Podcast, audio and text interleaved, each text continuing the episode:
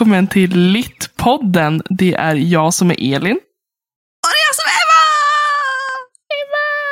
Och jag, jag backar lite ifrån micken för att Robert gav mig en uppläxning. Från förra avsnittet. Jag, jag känner att vi måste ta tag i det här på en gång. Så att folk ändå vet hur läget är mellan oss. Det känns som att det behövdes. Ehm, ja, alltså jag känner så här. Vi måste besvara den heta frågan kanske. Ska det vara någon podd kvar? är vi vänner idag?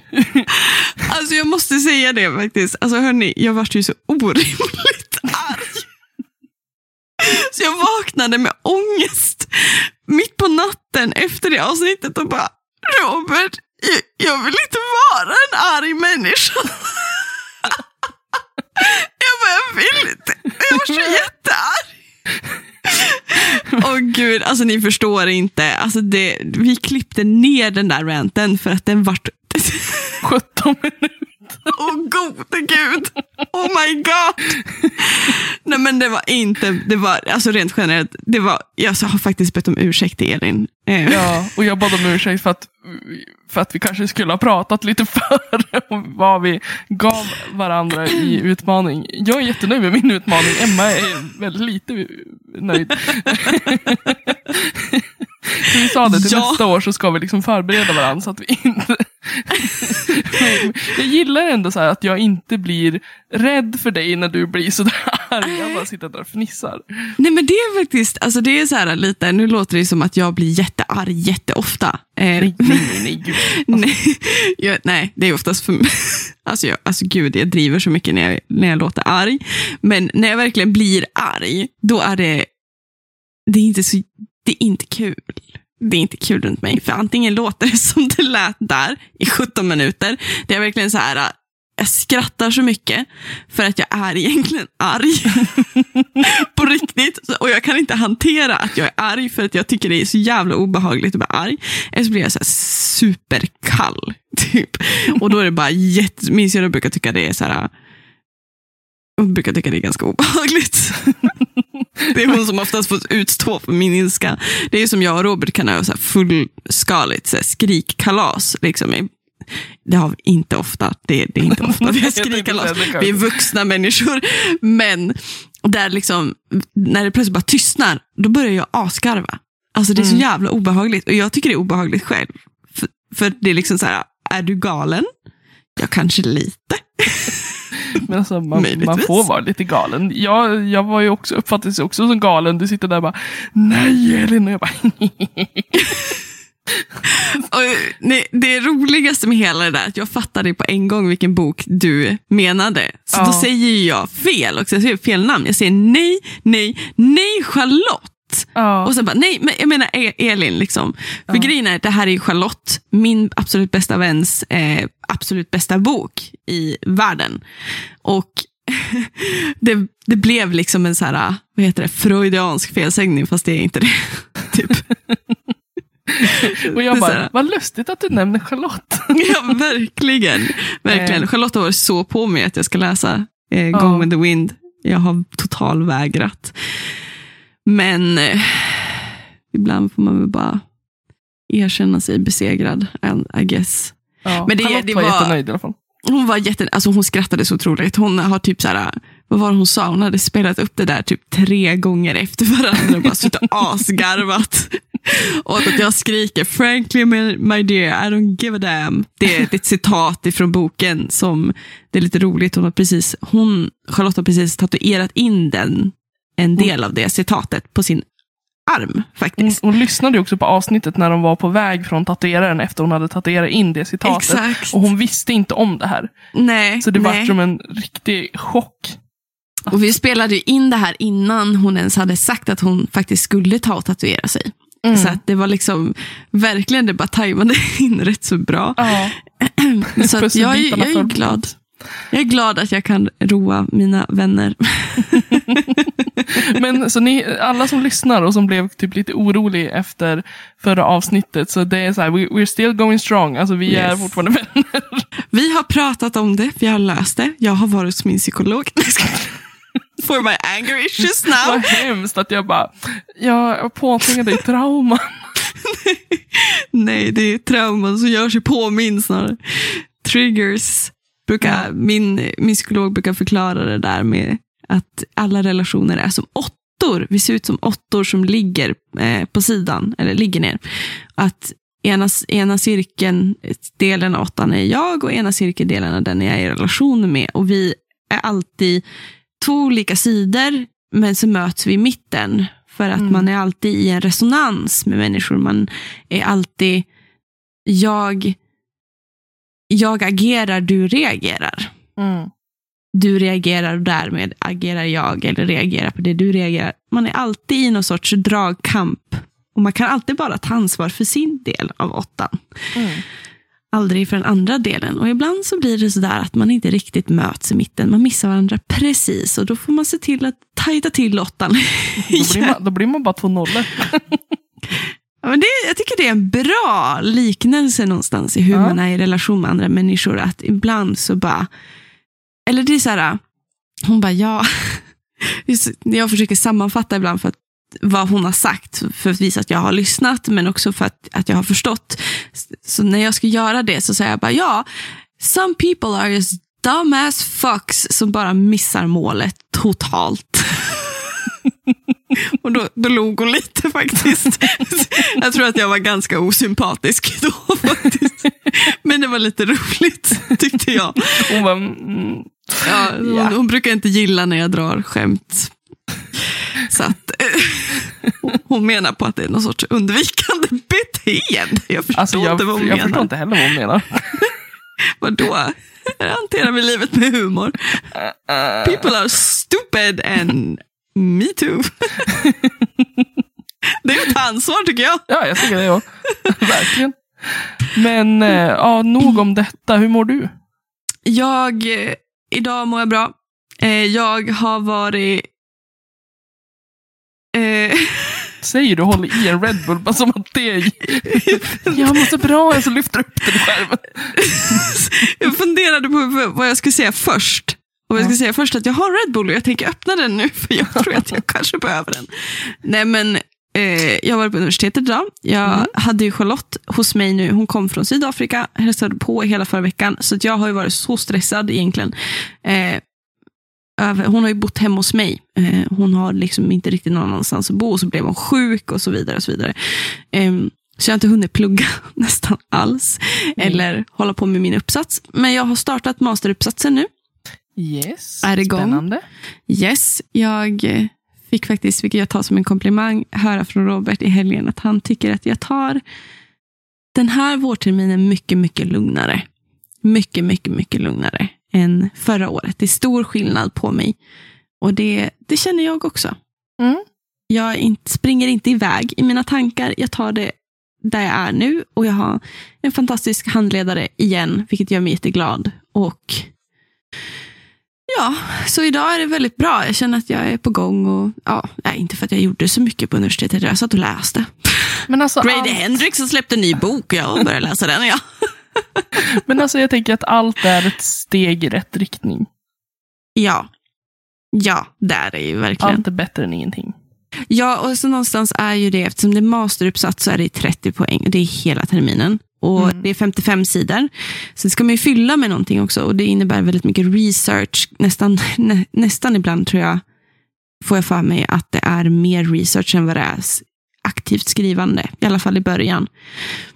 Så nu håller jag bara på och letar för att snäva in min frågeställning så mycket jag bara kan Mm. och också försöka hitta skönlitteratur som jag... Eh, jag vill inte att... Jag vill inte att eh, jag ska försöka snäva in min teori eller min frågeställning och anpassa den efter skönlitteraturen, utan jag vill att skönlitteraturen ska anpassa sig efter min fråga, faktiskt. Jag tror att det Vilket kan är- vara väldigt bra. Ja, jag har alltid, och det är väl så man ska tänka tror jag. Jag har bara varit väldigt envis med vad jag vill läsa. väldigt kräsen med vad jag vill läsa. På sätt Jag, och vet, vis. jag tänker att det, det fyller ju en funktion också. Det, Ja. man, man forskar ju om det man är intresserad av. Annars är det Ja. ingen mening känner jag. Ja, Det är lite precis. lustigt bara att eran magisteruppsats är 55 Mm. sidor och äh, er, Master. din masteruppsats, Mm. jag blandar alltid ihop dem, din Mm. masteruppsats är 55 sidor och vi ska skriva en magister på 60. Ja, det är... Så Elin går ju ett annat universitet än mig nu Ja. Men det är lite kul. Vi fick veta att vi eventuellt kanske kommer ha ett seminarium tillsammans med Mittuniversitetet. Ja, Eh, över Zoom, Umeå mot mitt. Då. Men, och det är kul. Men alltså verkligen, verkligen, ni är 15 poäng ska ni skriva för och så 60 sidor. Liksom. Jag hade Ja. svårt att fylla liksom 40. Oj, någonting rasade bredvid mig. Jag rörde mig bara lite. Ja, ja. faller sönder. Nej men det blir nog bra. Det blir kul om vi kan vara på samma seminarium. Kan vi sitta där och typ flörta med varandra över Zoom och ingen fattar vad som händer. Nej, det hade varit lite kul. Fan vad obehagligt. Nej, men det, det, kändes, det, det känns kul. Mm. Men ja, men 60 sidor Elin, hur går det då? Eh, ja. nu tar vi inte mer om den saken. Uppsatsen, det är ett ämne för sig. Skrivande. Ja. Men eh, jag har ju massa andra roliga grejer på gång. Mm. Jag började ett nytt jobb idag. Mm, ja, Det, det vill jag hellre prata om. jag förstår det. Så jag bara, mm, Helt fair enough. välj något annat Ja, som inte men ger mig ångest. Va?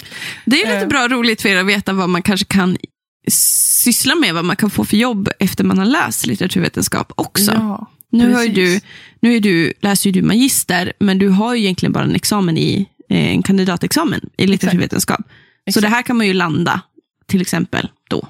Precis. Eh, jag har ju då fått en tjänst på halvtid, 50% där jag är projektledare för barnkonventionen i Mhm. Timrå kommun. Mm. Och det känns jättestort. Mm. Det är stort.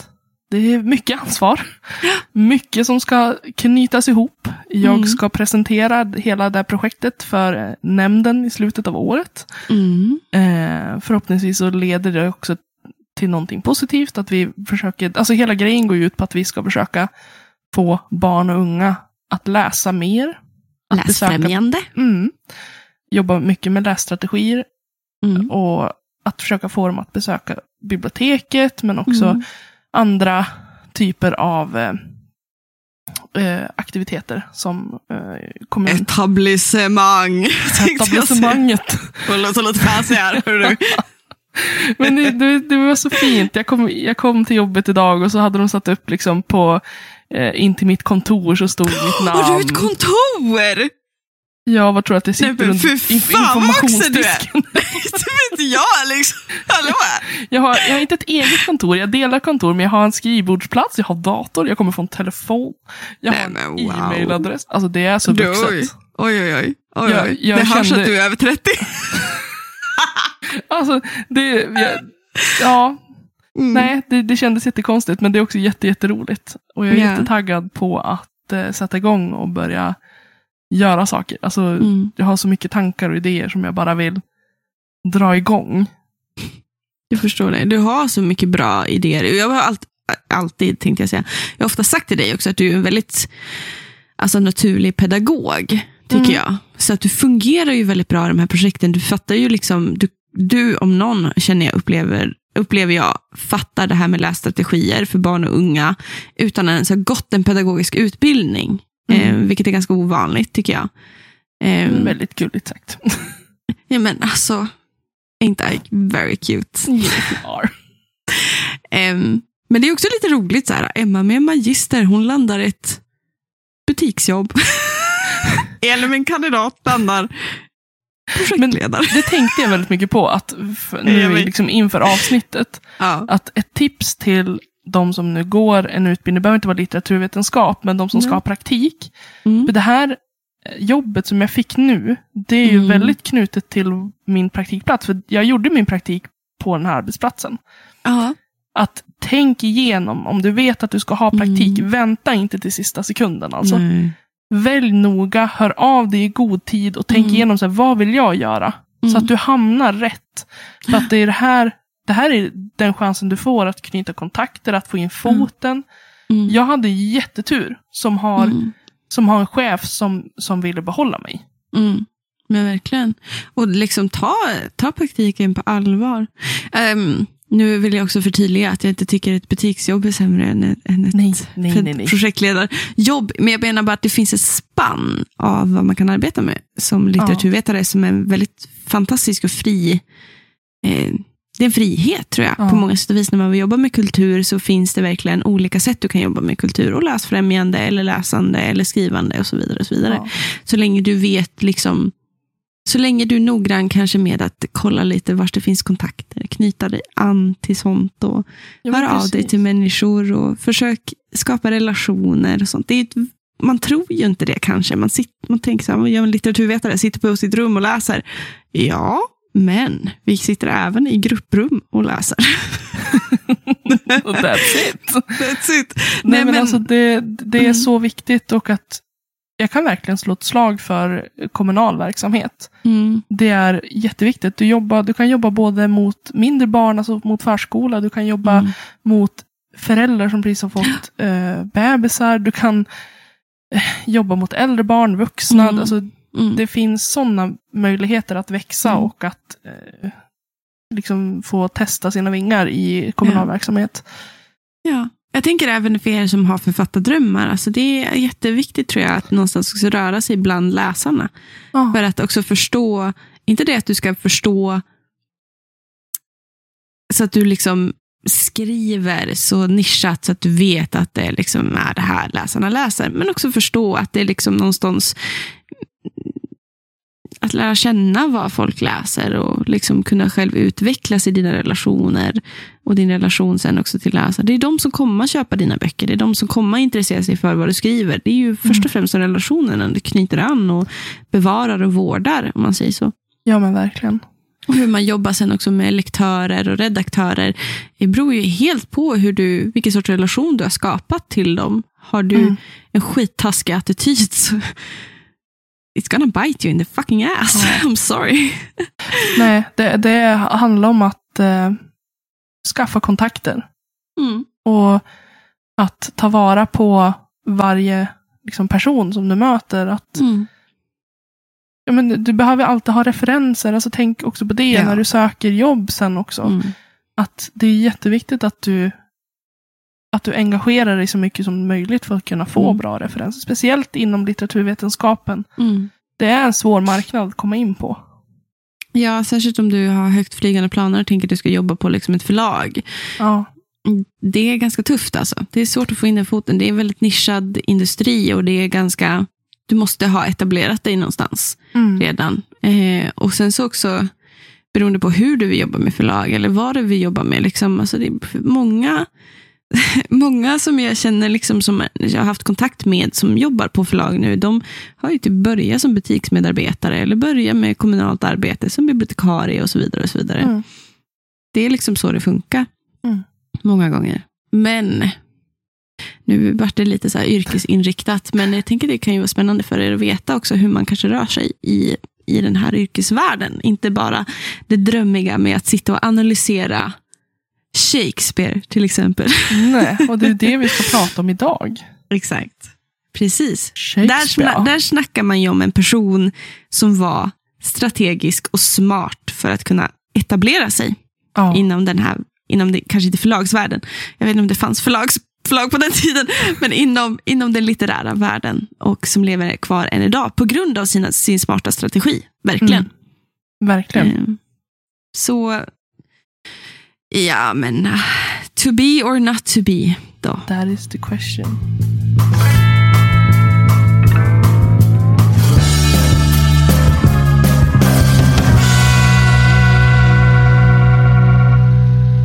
Idag tänker vi kanske inte prata så mycket allmänt om Shakespeare. Vi har ju liksom fastnat lite för ett specifik, en specifik tragedi eller en specifik pjäs, eller vad ska man säga? Eller en satir, tycker jag. För det är så jag har läst den alltid. Alltså, det är därför ja, jag älskar det- den. Jag, ty- jag tycker att den är väldigt humoristisk. Alltså så här, Ja. Själva handlingen är inte humoristisk, men Nej. man tänker så här, kan det bli värre? Ja, det kan ibland. Ja. Vi ska Man prata Hamlet. fan? Vi ska prata Hamlet. Hamlet, din lilla mört.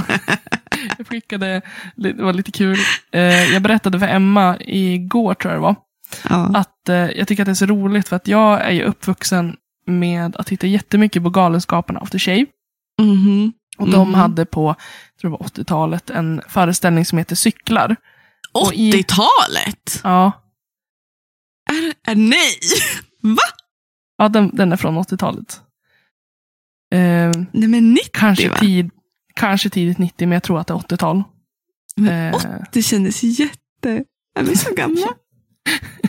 vi var inte ens född på 80, men Nej, så vi är ju inte gamla. Nej, men våra intressen är gamla.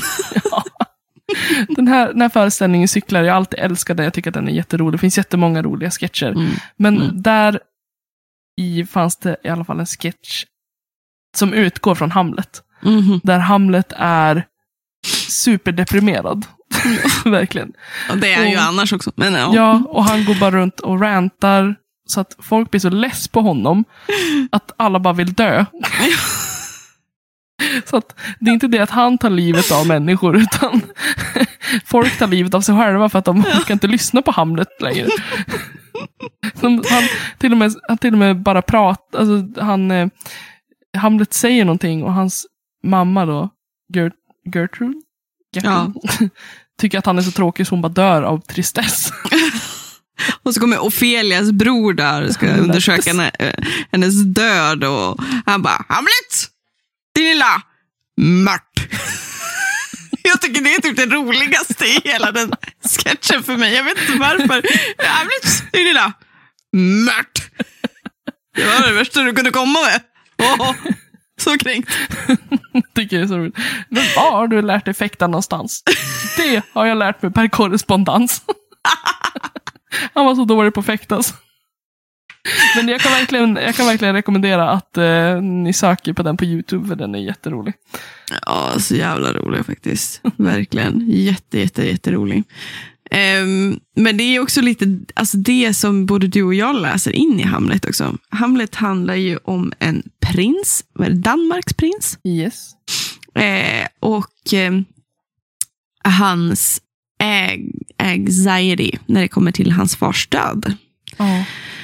För att han går ju omkring och bär då i, i teatern. Det här är ju en pjäs, eh, först och främst, ehm, som Shakespeare har skrivit. Ehm, och han går omkring och bär sin fars dödskalle, vilket är ganska fucked up. Och bara, to be or not to be. Ni kanske känner igen den frasen. To jag be tänker or på not då? to be. Jag Nej. tänker på uh, den här låten, Där borta vid bilen har jag lagt min far. Vad är det för låt? Ja men den här, jag vet inte vad han heter, han som, Olle, heter han Olle Ljung? Nej. Han, Magnus Uggla gjorde en tolkning av den i Så mycket bättre. Jag och min far heter den. jag bara började tänka på den. Alltså jag är så förvirrad. Bilen. I like me far, okay. Nej, och han pratar ju liksom i någon så här frenzy, galenskap. Mm. En Deprim deprimerad skulle jag nog säga att han är. Eller liksom maniskt deprimerad. Men han spelar väl mest galen för att han vill ehm, ta reda Han på... Precis. För att han misstänker ju, eller ja, misstänker, det är ganska obvious att det är hans eh, farbror som har mördat hans far. Då. Och kanske mest att det är obvious för att eh, Hamlets far då, som är mördad, kommer tillbaka som Mm. en vålnad och säger Exakt. Det var min bror, hämnas mig. Exakt. Men eh, du får inte döda din mamma för jag tyckte ändå om henne. Ja, exakt. Fast hon, var liksom, hon gifte om sig med brorsan och så typ Ja. såhär, uh, kind of weird in a way. Em, I alla fall så pratar han med sin fars dödskalle och hans spöke. Men det handlar det är till viss del en, en kärlekshistoria mellan han och eh, Ofelia. Ofelia var ju också någon speciell. Hon var inte prinsessa, men hon var... De var trolovade. Hennes Eh, pappa var väl, eh, alltså han ehm, var väl en del av, inte det kungliga, alltså han, han var inte kunglig, men han var väl någon rådgivare eller något sånt där. Ja, precis. Polonius dotter Exakt. är det ju. Polonius är ju kammarherre. Ja. jag har boken framför mig så man kan se alla liksom karaktärerna. Eller det är ofta så i pjäser. Ja. Så står det också vad alla är liksom i förhållande till varandra. Mm. Ehm, Det behöver man, alltså det kan bli virrigt. Precis. Och så har vi ju Laertes är ju bror och Polonius son. Och så Horatio är Hamlets vän. Ehm, Claudius är ju då konungen av, av Danmark. Alltså då Farbrorn inte farbror, ja precis, inte hans döde far utan farbrorn. Helt enkelt. Eh, Och så har vi massa jävla hovmän och adelsmän och officerare. Och... Just det, sen kommer Fort, Fortinbras, prins av Norge. Fortnite. Fortnite, yeah! Så här, meta. Nej, nej Fortinbras, Fort, For- Fortinbras, jag kan inte uttala det. Det är väl den Eh, norska, precis, norska prinsen. prinsen. Mm, exakt. Så det är, när man läser pjäsen, det tänkte jag på när jag läste om den nu, jag har ändå läst Hamlet några gånger, det är att man får för sig lite att det är mycket folk som kommer och går. Mm. Men när man kollar på rolllistan så är det inte många personer Nej. alls som Shakespeare. Och det är ofta så i Shakespeares pjäser att det, det är inte många karaktärer han använder Nej. sig av. Men alla karaktärer är viktiga också. Ja, och de är väldigt invecklade och väldigt komplex. Ja, Språket Precis. är också väldigt komplext. Och jag tror att hade, hade man petat in ännu fler aktörer, mm, deltagare, så, ja. hade, så hade man eh, tappat bort plotten tror jag. jag tror det också. Och samtidigt så är ju språket komplext mycket för att, alltså det här apropå med att vara en strategiker när det kommer till, till skrivande, det var ju i pjäser, eh, alltså om man nu ska tänka i tankar av hög och låg litteratur så har det ju alltid funnits en sorts föreställning vad- vad man ska läsa och vad man inte ska läsa, även på Shakespeares tid. Mm. Och på Shakespeares tid så var det ju en sorts, något ädelt och nobelt över kanske det här med lyrik och poesi. Det var så man blev känd. Ni tänker barder, liksom. Man Mm. kunde bli en hovbard. Liksom. Men att, att skriva pjäser, som, eh, som Shakespeare gjorde, det kan liknas kanske lite med vad liksom är populärkultur idag. Vi tycker att pjäser är liksom, vad ska man säga, kultur, högkultur. Och pjäser på den tiden var mer populärlitteratur, typ som kanske var serier är. Eh, Tv-serier är idag, för oss. Ja, och ändå har det ändå alltid funnits. Jag tänker tillbaka på antikens Grekland till exempel. Ja, Eh, till exempel Oidipus eller eh, Medea. Ja. Och jag Mm. tänker att det är liksom lite vad som har hänt kanske med diktning, när diktning förs över och blir den här, vi pratade ju om det för ett år sedan, om det här med dikter på sociala medier. Eh, alltså medial diktning och sådana saker, hur man kommer fram som poet. Precis, insta-poetry. Hur man blir en poet idag handlar ju väldigt mycket om hur man etablerar sig på kanske sociala medier och riktar sig, vilken publik man riktar sig mot och så. Det är ju inte en sämre form av diktning än Karin Boyes diktning, Nej. men det är ju fortfarande en annan sorts diktning, men det är diktning. Liksom. Ja, och det är också att det alltid finns motståndare Exakt. när någonting förändras. Mm. Mm. Så Shakespeare var smart. Eftersom dikter var hög litterärt då, inom citationstecken, så var det mycket sånt som slank in i hans... Rapade du micken? Det, det bubblade i halsen. Jag kunde inte stoppa det. Förlåt, jag kunde inte låta Jag bli att reagera på det. Han, det slinker väldigt mycket in diktning i hans pjäser. Mm. Och även i hans eh, short stories och längre verk och romaner och sådana saker. Men om han skrev så mycket romaner, jag ska inte påstå det. Nej, men det pratade vi också igår inför avsnittet. Just Mm. det här uh, hur komplexa hans texter är. Ja. Och att man än idag liksom har kurser i hur man ska tolka dem. För att han har så mycket allegori och symbolik. Och hur han Mm. Och ändå- använder bildspråk. Liksom. Och ändå har han blivit så, vad ska man säga, mainstream. Alltså det tycker jag är, alltså det är nog det som, alltså det kan ju alltid så här låta lite fjantigt när man säger att jag, jag, läser, jag tycker om Shakespeare, jag läser Hamlet, Hamlet och En midsommarnattsdröm är mina favoriter. Liksom. Folk bara, vad är du för jävla kräk då? Typ. Usch, håll dig, håll dig borta. Läser Men- frivilligt. Men och sen, sen finns det också den här attityden att det liksom är ju också väldigt mainstream. Alla på sätt och vis, förhoppningsvis i västvärlden har alla hört talas om Shakespeare för att alltså, jag kan inte tänka mig någonting annat.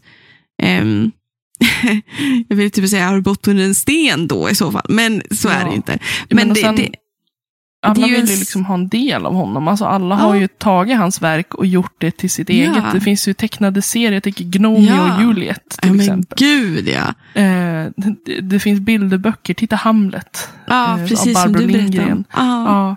Det finns ju, Romeo och Julia, eh, Julia har ju ändå liksom blivit filmatiserad på många olika sätt. Exakt, exakt, Eh, exakt. West Side Story till exempel är också en, en eh, finns ju alltså miljontals olika retellings av Shakespeares verk. Liksom. Många av de här fairytale, eh, vad ska man säga, fairytale Disney-filmerna har ju väldigt mycket Shakespeare-element i sig. ja, Om man säger så. Ibland kan man nästan liksom, oj, det där var ju en hel fras från en Shakespeare. Om man, om man har läst, om man har, ni vet, snusläst. Eller heter det snusläsa? Jag vet inte. Jag vet inte, men nu myntar vi det Närläst. begreppet. Och nu, snusläst. Då, då, när man har närläst Shakespeare, som vi har gjort när man har studerat Shakespeare ett tag, så, Mm. så alltså det är ju det som är också coolt med Shakespeare. Alltså det är ju inte bara det att vi kan det för att vi har pluggat det, utan hans, alltså hans repliker är ju minnesvärda på sätt och vis. Alltså det är ju verkligen, alltså verkligen min, min favoritdel är ju den här eh, kärleksförklaringen som, som liksom, eh, vad ska jag om jag hittar den. Jag vet att Victoria Kafferatur gillar den här delen också. Det är ju Polonius som säger, ja det är ja, i alla fall, det är en så här, den har bara satt sig fast i mitt huvud. Liksom. Ja, Vill ni att jag läser den? Vill ni ha Ja. lite kärlek från mig? Det är inte ofta, tänkte jag säga. yes.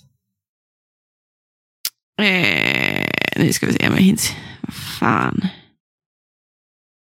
Här står det förresten vurmighet. Det där måste vi gå tillbaka till sen. Apropå mynta begrepp. Ehm, nej. Polonius läser. Tvivlar du om ljust kan vara där som sol och stjärnor bo? Tvivlar du på sanning, Klara, på min kärlek skall du, du, skall du tro.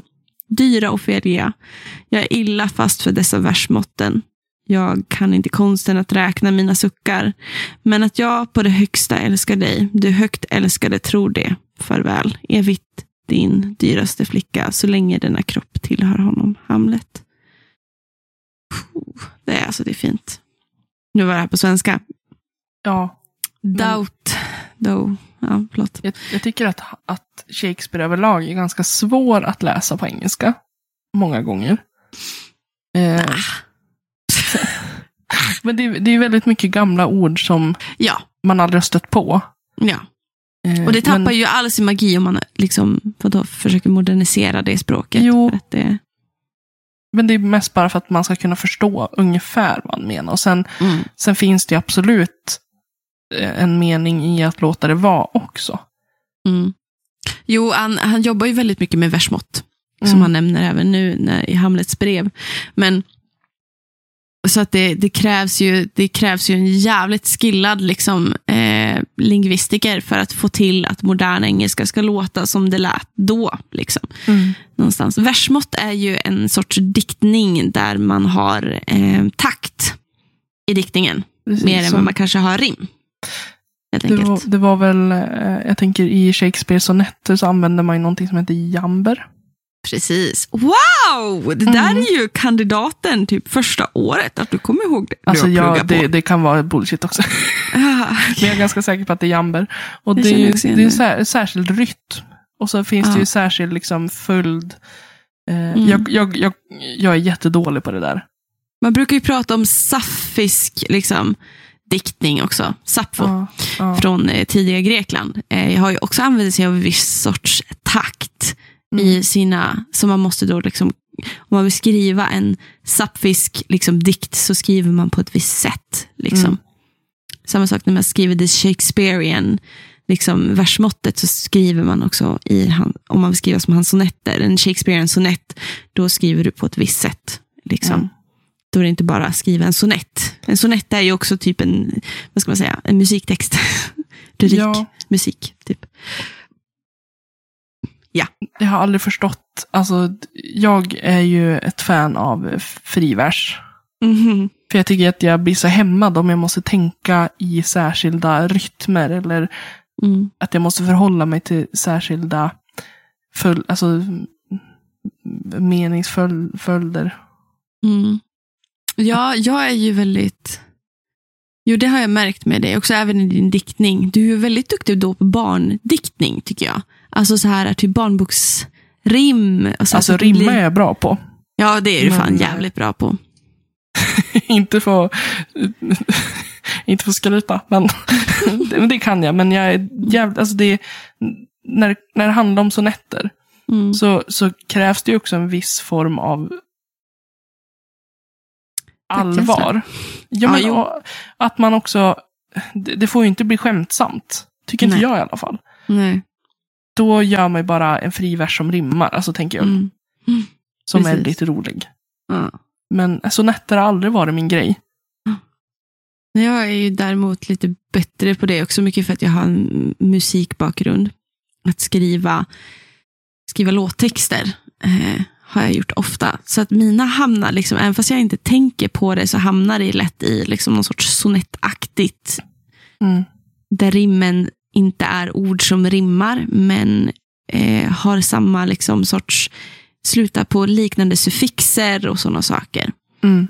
Och gärna med en viss sorts liksom, en takt emellan och ska det vara jämn takt med hur man läser och sådana saker. Och därför tror jag att jag kan överkomplicera mina dikter ibland. Men, men det, jag tänker också att komplexitet är, gör det hela mer intressant. Ja, med en komplicerad dam. A dame. Dame. But not in distress. Em, nej, så Hamlet är ju, är ju liksom en blandning av versmått, men han har inte så mycket sonetter alls. In, inte i. Hamlet, nej. Nej. Em, utan de är oftast fristående, Ja. de sonetter han har skrivit. Em, men mycket versmått och då kommer de oftast ganska sporadiskt där, som typ i Hamlets brev. De kommer inte... Det är ganska tydligt när de kommer någonstans. Hans dikter som han har smugit in i sina pjäser. Eh, och vilket är också, tycker jag, väldigt fina inslag i alla hans pjäser Mm. också. Det ger, för att grejen är det, varför, okej, i grund och botten, varför jag tycker om Hamlet så mycket. Alltså, det är så mycket one-liners. Alltså det är så mycket savageness. Det är så mycket skämt och satir. Som liksom så här, om man läser det för allvarligt så blir den tråkig. Läser man det humor då blir det så här, bara, vad är det här för jävla, vad fan håller du på att slänga en massa förolämpningar kring dig? Och då kommer de här små verserna och små liksom, diktfraserna in och liksom gör den här balansen till en fin dragkamp någonstans. Mm. Och så jävligt snyggt gjort. Han har inte kunnat gjort det bättre själv. Jag tror att det är väldigt få som skulle kunna göra det som Shakespeare gjorde Ja, ändå. men Ehm, verkligen. Men jag, jag tänker också just, det hade varit så himla intressant om man tänker att man hade kunnat rest, inte rest tillbaka till annan tid, om man hade kunnat Mm. hämta hem historiska figurer Ja. för en dag. Man fick umgås med Shakespeare. Man hade ju förmodligen inte, alltså jag tänker så här, undrar om Han pratade på samma sätt som han skrev. Om han liksom hela tiden pratade i...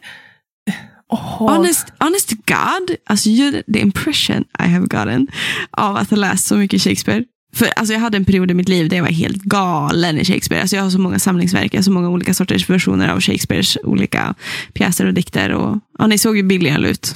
ja, Den var dyr den boken, må jag säga. jag Så det. mycket gillade jag Shakespeare ett tag. Och jag gillar han fortfarande jätte- jättemycket, så jag kan citera saker. Men det, den upplevelsen jag har av Shakespeare, för fan vilken jävla dryg människa alltså. Jo men eller hur? Han Så måste ha jävla varit dryg. jä- alltså, typ att folk när de träffade honom på gatan. Nej. nej Ja, väldigt såhär, åh nu kommer han, den här stroppen. Ja. Alltså, vi fattar så- inte vad han säger. Ja, men jag känner såhär, alltså, i mitt huvud han ser ut som en kalkon alltså. Och alla bara nej, Ja, jag gobbla någon annanstans du. du vet när man träffar en person som pratar och pratar och pratar och man, man kan inte fokusera till slut för man tycker man slutar prata. till slut så, ja, man säger bara ja, mm, mm, ja. Så Utan känner ju alla människor som pratar med mig. Jag. Nej, Alla mina vänner. jag Fan lyssnar också. alltid aktivt. Det är sällan jag har sagt va. Ja, nej. Det, det är ju snarare jag som säger va hela tiden. Sorry. eh, nej men alltså jag, jag tror att folk, det är bara en känsla jag får, att när han satte igång och höll låda, att folk liksom så bara typ tittar på honom, nickar lite grann. Och sen tänkte de i sitt stilla sinne, snälla gud får jag gå hem? Jag undrar om det blir egentligen så här, för jag tänker ju så också, men alltså jag tänker så här, samtidigt, alltså var han så jävla populär. Var, han, han var ju jättepopulär som så här, eh, pjäsförfattare. Och Jo. alla kommer ju såg hans pjäser och sådana saker. Men alltså, och samtidigt, så här, ah, fan, vilken bild har vi av pjäsförfattare idag? Tycker man de är lite dryga alltså? Men jag tänker att så här, han var populär och att folk höll, höll honom, liksom att de lät honom hållas. Mm.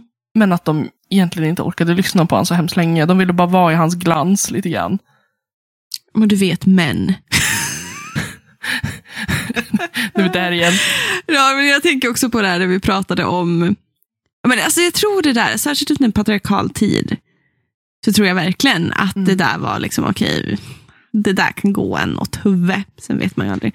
Men vi pratade ju igår också om det här med Virginia Woolfs Ett eget rum. Så nämner Ja. hon ju, tänk om, tänk på Shakespeares syster. Och jag sparade ju den delen för jag var, fick så här, bara, gud var är det där? För först kom vi inte ihåg om det var i, om det var Virginia Woolf eller om det var någon annan bok. Men så hittade jag det då. Och det är liksom lite så här, Tänk om Shakespeare hade haft en syster. ja men tänk, vem hade hon varit liksom? Hon, hade inte sam, hon skulle inte ha samma förutsättningar. Nu vet jag inte om han hade någon syskon. Jag har inte kollat upp det. Nej. Men det, det Wolf menar är ju liksom att under den här tiden att hade han en syster, låt oss kalla henne för Judith, skriver hon Mm. ju. Hon hade inte haft samma förutsättningar som... Hon kunde ha varit liksom ett större geni. Alltså ja, hon kunde ha varit så otroligt stor. Hon kunde ha skrivit så otroligt vackra sonetter eller fantastiska, roliga, kvicka pjäser och det hade inte spelat någon roll. nej. Hon, hennes hon plats kvinna. var i hemmet. Mm. Vid, vid köket. Ja. Att ta hand om sin familj. Och Ja. hans, hans uppgift var att eh, bli skolad. Mm. Att söka någon form av framgång. Att Mm. få utlopp för sin kreativitet. Mm. Det var hans då enda liksom, syfte i världen. Är du kreativ så ska du göra det. Liksom. Hon, hennes syfte var att stoppa strumpor. Ja. Alltså, det är väldigt intressant det där någonstans. Jag tänker också väldigt mycket på, alltså typ, om man tänker nu att det här kanske var populärkultur dåtid och om det hade funnits en kvinnlig motsvarighet så hade det inte alls fått samma svung som Nej. Shakespeare. För Shakespeare var otroligt känd och populär under sin tid, under sin levnadstid. Ehm, och jag tänker idag, typ Marvel-filmer. Mm. Alltså det är ju liksom... Det är väldigt tydligt vilka filmer som flyger. Eh, Om man säger så. Trots att eh, jag tycker att många gånger så har ju dock de kvinnliga regissörerna, regissörerna och manusförfattarna varit mer trogna storyn, alltså komiken, än vad de manliga har varit. Och samma sak när det kommer till de kvinnliga huvudkaraktärerna som får egna gående filmer, hur det har liksom de här stora filmerna som blir stora av Marvel kommer ju alltid på bekostnad då av de kvinnliga liksom, manusförfattarna och de kvinnliga eh, huvudkaraktärerna. Och att där har vi också en typisk populärkultur som har en kvinnlig eh, femini, eh, feminin motsvarighet, om man säger så. Där det, det patriarkala som Wolf pratar om då Mm. är fortfarande högst aktiv idag. Det är väldigt intressant att tänka på. Men ändå tycker jag att det är så intressant, med, om, i och med att vi pratar om det här med det patriarkala, Mm. hur Shakespeare ändå skriver väldigt mycket om kärlek. Nu är det ju Mm. ofta väldigt tragisk kärlek. Ja, alla... Och sen är det Dör. väl kla- klart att det inte är jämlikt heller. No. Men att det alltid liksom nästan finns med. Hans Mm. sonetter är också riktad, liksom, det är väldigt mycket kärlekspoesi. Och jag tror att det är därför också jag fixar den här sortens kärlekstrams någonstans. Um, även om jag är emotionally unavailable, tänkte jag säga, eh, avoidant, så, så kan jag förstå den här, den, för att det jag känner genomgående, även typ i Midsommarnattsdröm, i, i, jul, i Romeo och Julia och i Hamlet och alla de här stora kända verken, kärleksverken någonstans, är ju att det är en sö ett sökande efter emotionell närhet. Också en jävligt stor tendens att placera de här kvinnorna på pedestaler och göra dem till de här väsena som jag hatar. Mm. I hate it deeply. Men det är en annan grej, en annan klang, en ton i Shakespeare där, där han, han gör det här typiska idiotiska kapa kuken av dem beteendet som män ofta har. Ställa en kvinna på en pedestal och när hon inte då möter pedestalen, alltså bilden som de har skapat, eller fantasin eller fiktionen, så faller hon och då faller hon jävligt hårt ner i Mm. marken. Ehm, och Shakespeare ger en klang av att trots det, trots att ha den tendensen som alla män har, så saknar han den här emotionella närheten som man kanske inte är det som patriarkatet undanhåller istället. På den tiden särskilt, men liksom även idag. Jag tror att det är också därför de kanske lever kvar ganska hårt idag med. Att det ger den här också sorgsenheten i att blivit liksom, vad ska man säga, undanhållen emotionell närhet. Mm. Som i så fall bara en kvinna kan möta. Helt enkelt. Liksom Ja. hans pappa kom inte tillbaka för att säga jag älskar dig. Hans pappa kom tillbaka för att driva han till vansinne för att han ska ta ihjäl pappans bror för att han blev mördad. Han eldade på hämnd istället för att komma tillbaka att berätta att han var älskad. Ja. Men jag gillar ändå det. Alltså, jag, gillar inte, jag gillar inte det att han bara kommer tillbaka för att söka hem. Men jag gillar det där ändå, liksom, att mötas i döden på något vis. Mm. Att han ändå fick ett avslut. För det är klart att det blev... Han, Ja, han var ju inte i närheten när pappan dog. Han var ju Mm. Ut och reste. precis. Och han kom ju hem efter Mm. pappan var död redan. Mm. Och Och, och det är bar mycket ganska- skuld. Ja, och det är ganska fint. Där, även om det resulterade i massmord och eh, död. Så, Ja.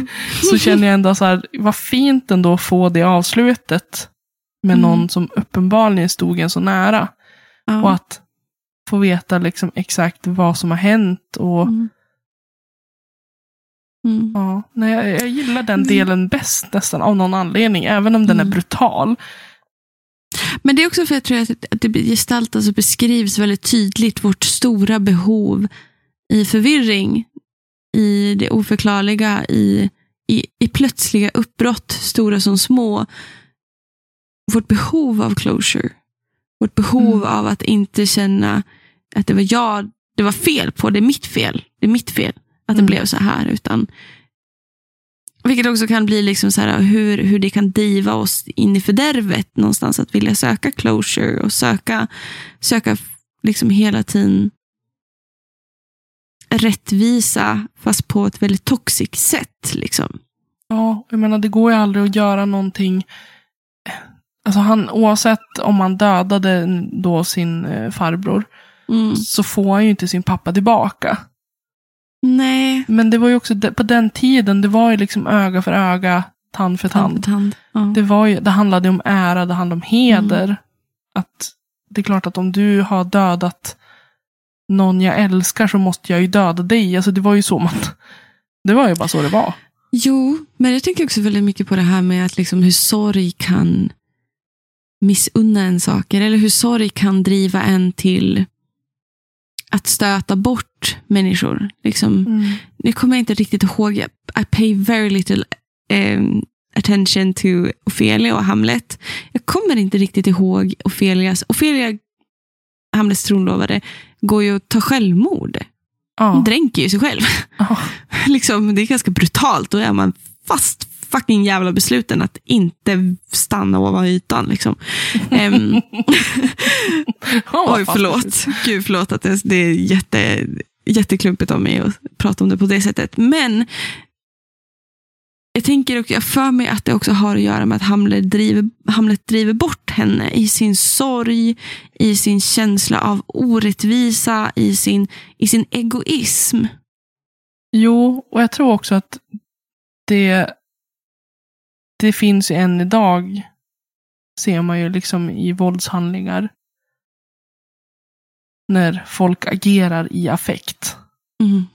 Att man inte är eh, ha- hade, hade Hamlet varit i en nutida kontext så hade man väl liksom kanske då eh, tvångsinlagt honom.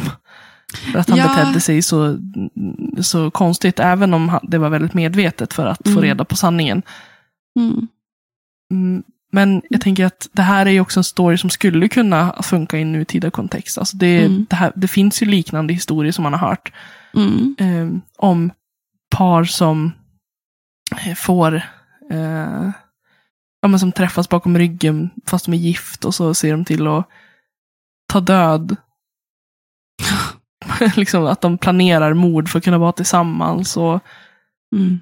det, det är inte jättelångt ifrån vad som skulle kunna hända. Det är inte Nu var det en väldigt brutal liknelse du gav.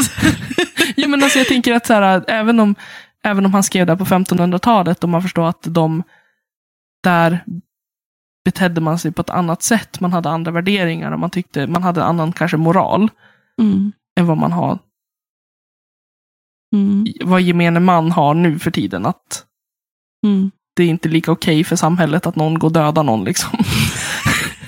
men jag tänker att det finns ju fall som liknar det här. Ja, men Kanske inte absolut. lika brutalt och inte liksom i hela berättelsen så, men att Nej, mm. Nej, och att det absolut också någonstans spelar liksom ingen roll om det är liksom, eh, i kärlek och död. Liksom. Men att jag tror det där med alltså kärlek, alltså när det kommer till Shakespeare och kärlek så ger han en väldigt, väldigt, väldigt verklighetstrogen bild och modern bild på vad kärlek är. Vilket visar sig att vi inte kanske har behandlat våra älskade och vår käresta på särskilt annorlunda sätt genom tiderna. Utan det, det håller än idag. ja, Vi har fortfarande de här toxiska beteendena, men också den här svåra den här oförmågan att ta ansvar för sin del i relationer och i hur, hur saker blir. Ehm, och, och Det tycker jag är väldigt spännande och intressant någonstans. Det är bara förändrats. Typ som att förut så sa man ju att ah, man är bara på G med någon. Idag så kallar de det situationships. att det är samma sak, men det bara utvecklas till någonting annat. ja. Och att det, det toxiska i det hela, liksom det giftiga i det hela, handlar ofta om egoism. Mm. Som typ Hamlet. Han var ju, Ophelia, han älskade ju henne. Och han sa det hundra gånger till henne. Tusen gånger i text. Men han visade det inte i handling. Han var ju inte konsekvent i sin handling. Han tänkte ju bara på sig själv och sitt hämndbegär och på att Mm. bli haunted by his dad. Which is a fair reason though. It's a very fair reason. Alltså, sen ja. så ghostar ju han Ophelia också. Alltså. Ja, men alltså, man använder moderna begrepp på det här. Nu hamnar jag här med Gösta Berling och fuckboy igen. Jag men tänkte alltså- just du, spöke, ghosta. Jag, tycker vet, det var lite det var kind of intentional. Men det, det är liksom väldigt, väldigt intressant. Vi har samma sorts beteende. Och att det ändå kommer med Shakespeare så är det lite spännande att det kommer lite så här knäpp på näsan ändå till läsaren på slutet. Liksom, Don't do this. It's just gonna end in destruction. Manipulera inte folk omkring dig för din egen för ditt eget syfte och din egen, ditt hämndbegär eller din egoism, utan liksom vara öppen och kommunikativ. Sen är det kanske lite svårt för Hamlet då. Hans farbror var ju för fan en mördare, så det är ju lite så här, då måste man ju vara listig. Måste du överlista Det är väldigt mycket trauman där känner jag. Hans mamma ligger med sin pappas mördare. Åh, Jag hade också tappat fattningen. tror jag. eh, det, jag Ja, nu inte. måste vi ju historisera här också lite. Jo, Jag kan ju inte tänka mig att hans mamma kanske inte var särskilt kär i någon av bröderna. Om man hon kanske, var, hon kanske hade, du vet så här som vissa som dras She's till... a eh, gold digger. Ja, men nej, alltså så här, som dras till mördare. Ja, ja, alla har vi våra typer. Mm. Fy fan alltså. Fy fan. ja, jag tror inte hon är värsta, men Nej, hon är inte värst. Gertrud. Nej, Gert, Gertrude. Gertrude, it's English. Jag tycker Ja. det är roligt att säga Gertrud. Ja, uppenbarligen var ju Ofelia fast för den här typen då. En sjukt egoistisk snubbe som pra- pratar med spöken. Alltså, vad är det jävla skit? Ghostbusters. She likes the Ghostbusters. Eh, alltså, Ofelia hade ju älskat i modern tid. Alltså, här fan ghostar folken fram och tillbaka tänkte jag. Hon bara, oh vad trevligt. Eh, Alla män är egoistiska och så vidare. och så vidare. Ni vet, det vanliga. Det vanliga. Ja, det är, I still hate men. bara för att det är ett nytt år så betyder inte det att eh, vi ändrar på oss. Nej, gud, det, är ju- det här året är ju bra bara för att jag helt fullkomligt embraceat myself and being a fucking bitch. I don't give a fuck. Nej, men alltså på riktigt, alltså det, är, det är väldigt, väldigt intressant hur Shakespeare är så aktuell även idag. Med både Mm. lärdomar och liksom red flags i modern Ja, moderna. Och jag vurmar stenhårt för Shakespeare och Hamlet speciellt. Och mm. Midsommarnattsdröm Nattström tycker jag är fantastisk. Verkligen. jag där gillar filmen eh, Much Ado About Nothing. Mm, About Anything. mm, det är väldigt fin också. Mm. Men det jag vet inte, det är väldigt, väldigt intressant. Hur vi hamnar i att vi hatar män, vad vi än pratar om. Det, det är inte konstigt, men det är lite lustigt. Ja. Men Shakespeare, Mm. Men jag, jag Shakespeare tänker, är nice.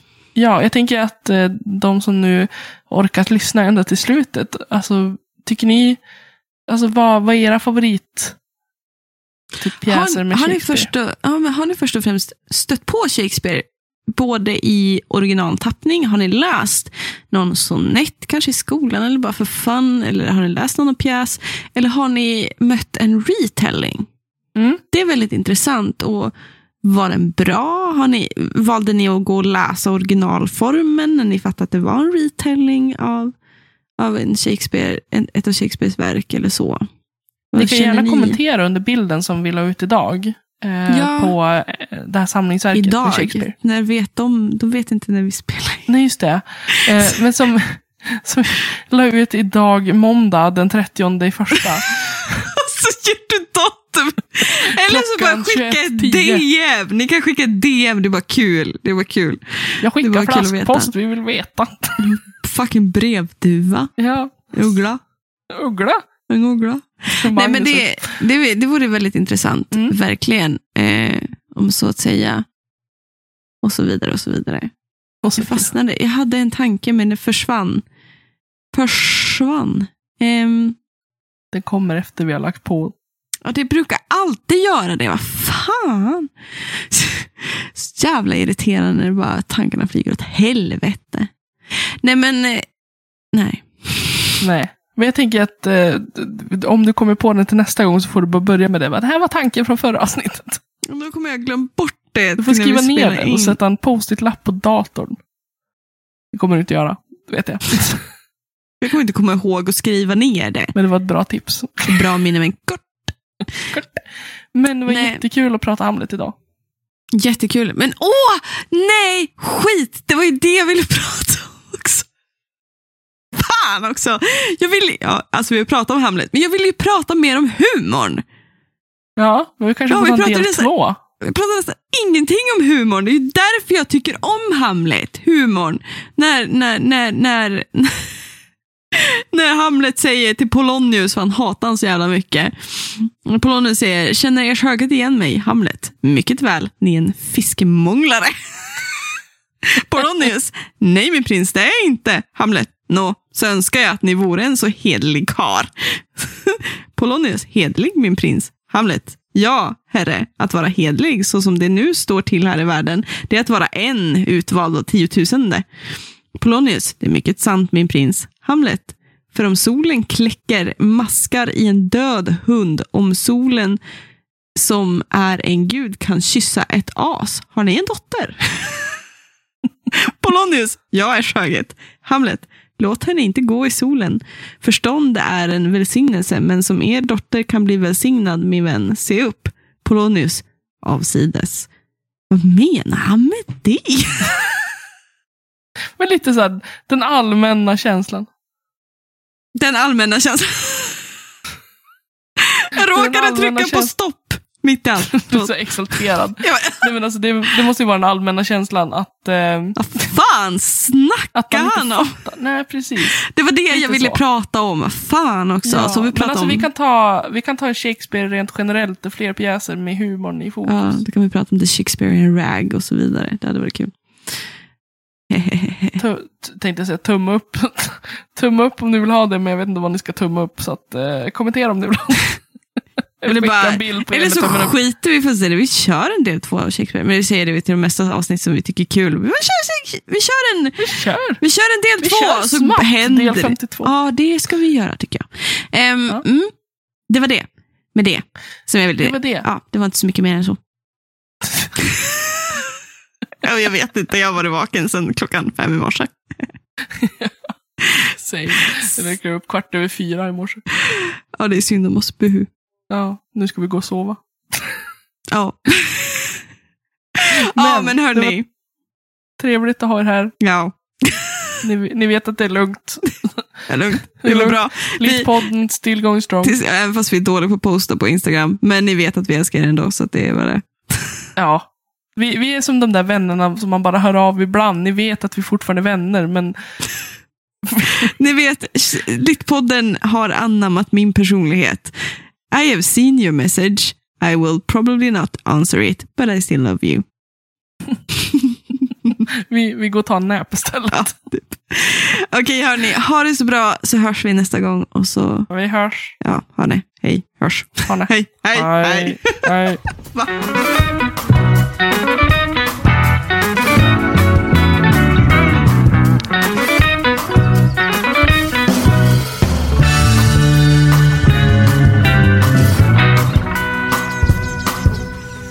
Ni har lyssnat på Littpodden med Elin Oslin och mig, Emma Granholm. Musik och klipp av Magnus Kjellson och Robert Granholm. Tack hörni för att ni har lyssnat.